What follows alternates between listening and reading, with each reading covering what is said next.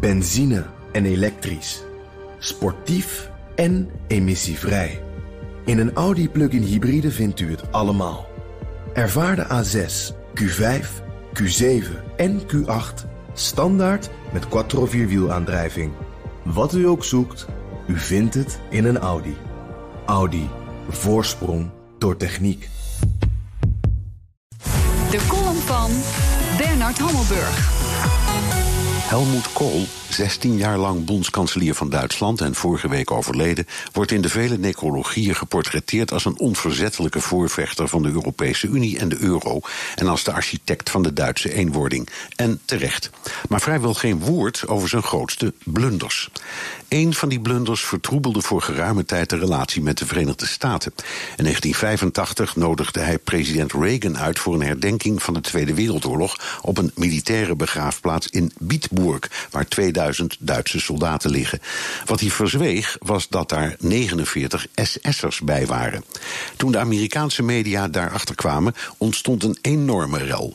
De beroemde Auschwitz-overlevende auteur en Nobelprijswinnaar Elie Wiesel smeekte Reagan in een beroemd geworden toespraakje recht in het gezicht om het bezoek af te zeggen. Meneer de president, dit is niet uw plaats, zei hij.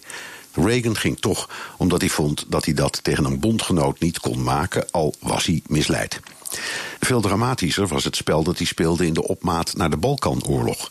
In december 1991 besloot Kool Kroatië te erkennen, de oude bondgenoot uit de nazietijd. De EU, Amerika, Rusland en de VN waren fel tegen. Kool dreigde vervolgens dat hij dat desnoods alleen zou doen, waardoor de Europese landen op de top van Maastricht kort daarop door de knieën gingen. In Servië, dat in de Tweede Wereldoorlog als bondgenoot van de Sovjet-Unie fel tegen de Duitsers had gevochten, sloeg de vlam in de pan.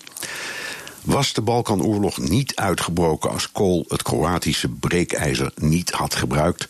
Natuurlijk wel, want het Servisch, Kroatisch, Bosnisch, Kosovaarse conflict woedde al decennia. Maar de vraag is of de oorlog beheersbaarder was geweest of gemakkelijker op te lossen. Ik vermoed van wel.